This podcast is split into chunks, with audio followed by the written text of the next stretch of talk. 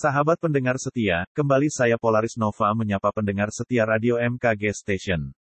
Kali ini saya akan menyampaikan perakiraan cuaca hari Rabu tanggal 6 April tahun 2022 dini hari untuk wilayah Provinsi Papua. Berdasarkan informasi dari Balai Besar MKG Wilayah 5 Jayapura, pada dini hari nanti wilayah Kota Jayapura, Biak, Kepulauan Yapen, dan Bovendigul diperkirakan akan diguyur hujan.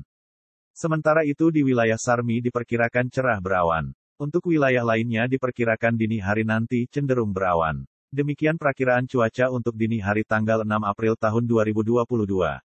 Informasi perakiraan cuaca ini juga bisa Anda dapatkan melalui Instagram dan Facebook Info BMKG Papua. Simak terus update perakiraan cuaca untuk wilayah Provinsi Papua melalui kanal podcast Radio MKG Station yang dapat diakses melalui Spotify, Anchor, dan Apple Podcasts.